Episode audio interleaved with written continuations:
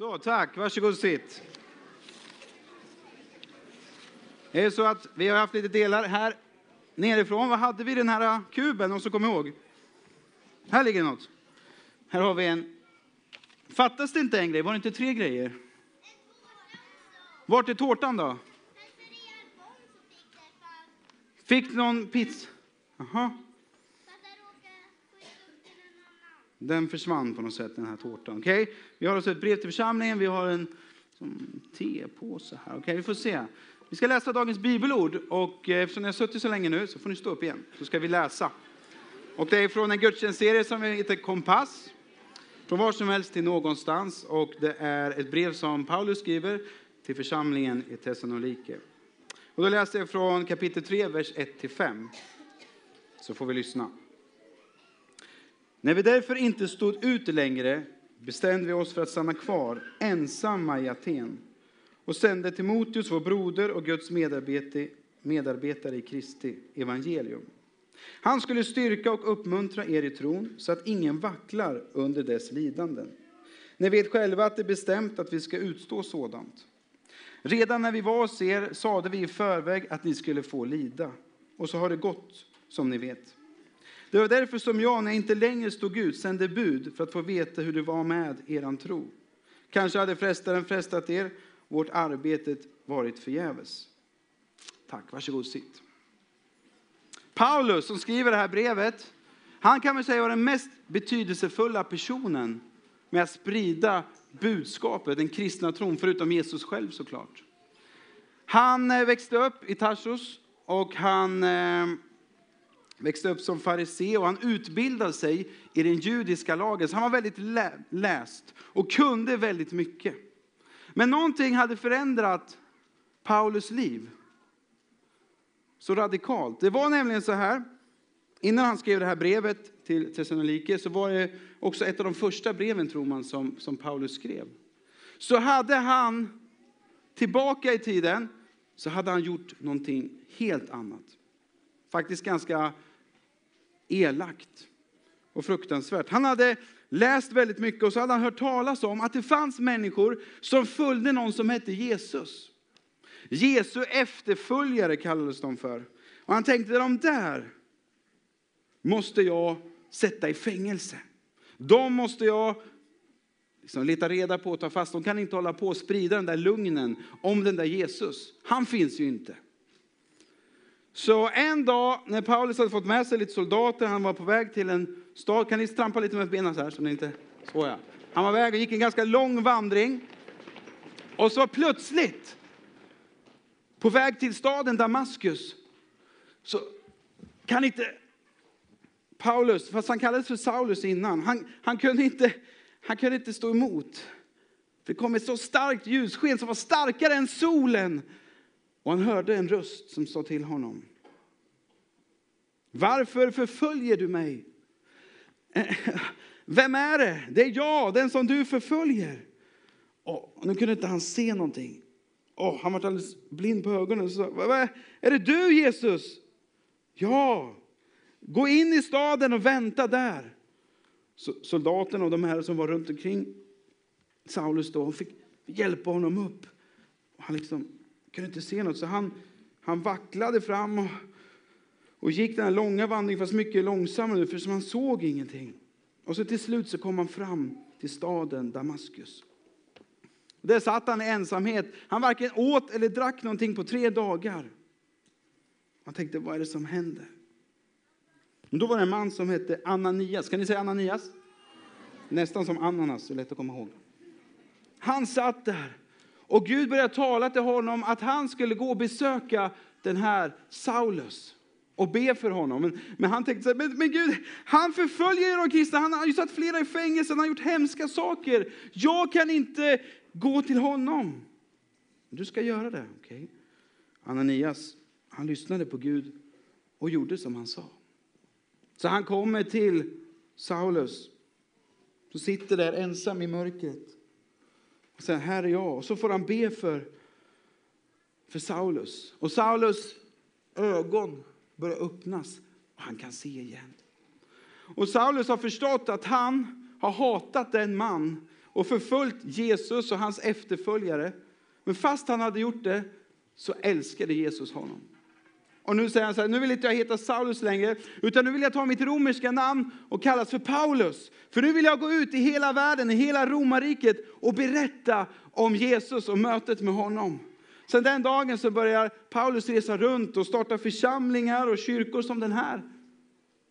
För vi är 2000 år senare och vi har en kyrka här i Sverige, i Västerås. Mycket på grund av Paulus och andra som liksom började den här resan.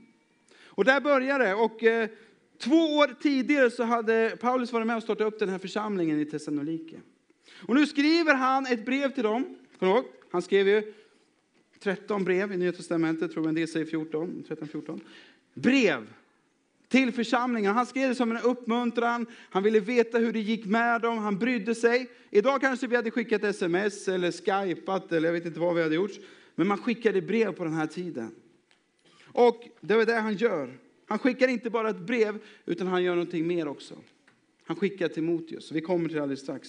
Men jag tänker på Paulus situation. Han skulle kunna tycka synd om sig själv. För han hade en väldigt svår tid och han kunde inte besöka dem i församlingen i Thessalonike. Han kunde sitta där och tänka att jag har så nog med mina egna problem. Jag har det så jobbigt, jag har det så svårt. Eh, jag har inte tid att bry mig om någon annan. Han skulle kunna tycka synd om sig själv. Är det någon som har tyckt synd om sig själv någon gång? Ja, det är några som erkänner. Kanske finns någon mer. Jag har nog gjort det någon gång ibland och faktum är att i början av veckan här så letade jag på och jag hamnade på några bilder och jag hittade två män så jag tyckte faktiskt såg lite synd om. Vi kan få upp dem på en bild här. Ser inte helt muntra ut. Det är lite synd om de här. Och det är som någon vis man har sagt. Utveckla. Utveckla. Utveckla. Det är som någon vis man har sagt att ska man få någon att tycka synd om sig själv, då får man ringa till sin mamma. Och jag har testat det några gånger och det funkar varje gång. Mamman bryr sig lite extra och förstår en. Och, och, sådär. och här är två slitna herrar som är på någon läger här tror jag. Det ser ut som att de vill åka hem eller vänta på maten eller jag vet inte. Lite slitna. Vi kan ta bort den där. Jag tänker att det kan förstöra sinnet här för en del. Ibland så är den här känslan att man, det är jobbigt, det är tufft, det är lite tungt helt enkelt. Men jag vet de där stannar kvar på hela läget fast de såg ut som att de ville åka hem för många år sedan. Men Paulus hade det tufft, han hade det svårt, men han hade förmåga att bry sig om andra ändå. För han hade mött Jesus Kristus och han hade förvandlat hans liv. Så fast han inte kan vara där fysiskt, han kan inte åka dit själv på grund av att han har svårigheter och problem, så skickar han det bästa han har. Han skickar Timoteus. Och då tänker jag bara att vi ska komma ihåg det jag pratar om idag. Så tänker jag Timoteus stavas inte likadant, men jag tänkte T-påsen. Timoteus, kan ni säga Timoteus? Så tecknen för Timoteus ska vi säga Timoteus. Okay, bra. Kommer ni ihåg den? Bra. Han skickar Timoteus och Timoteus har blivit som eh, de har blivit bästa vänner. Det är ungefär som att det är Paulus son. Och liksom, han skickar det bästa han har. Han litar på Timoteus och han skickar honom för han vill försäkra sig om att det går bra för dem, att det går väl för dem. Han vill se till och bryr sig verkligen om församlingen i Thessalonike. Och Timoteus i sin tur, han får vara till stor betydelse för hela församlingen där. Att han kommer dit blir som en jättestor uppmuntran för hela församlingen. Paulus han är orolig för att de, stod det i texten, vacklade i sin tro. Han ville verkligen veta att de höll fast i tron på Jesus och läran och allt de hade lärt sig, att de skulle fortsätta undervisa på rätt sätt och sådär. Och där tycker jag att vi kan ta med oss. Vi kan ställa oss upp, ska ni få göra lite rörelser, ska vi se vad vi har lärt oss idag. Då gör vi tecknet för Paulus och han såg det starka ljuset. Han fick möta Jesus och hans liv blev förvandlat. Då säger vi Paulus. Bra.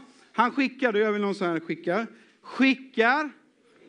Ja, lite bättre på den här sidan också, okej. Okay. Paulus skickar.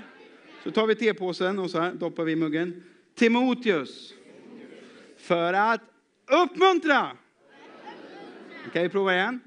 Paulus skickar Timoteus för att uppmuntra. En gång, vi tar den här sidan nu då. Så ska vi tävling här, nu är det battle här.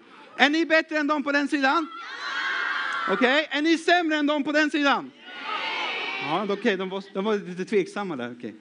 Okej, behöver ni hjälp eller klarar ni själva? Okej, vi kör. Jag kör bara rörelser och så får ni köra. Är ni med? Ett, två, tre.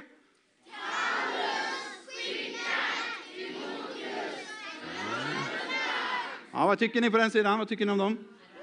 Tveksamt, tveksamt. Okej, är ni med? En, två, tre.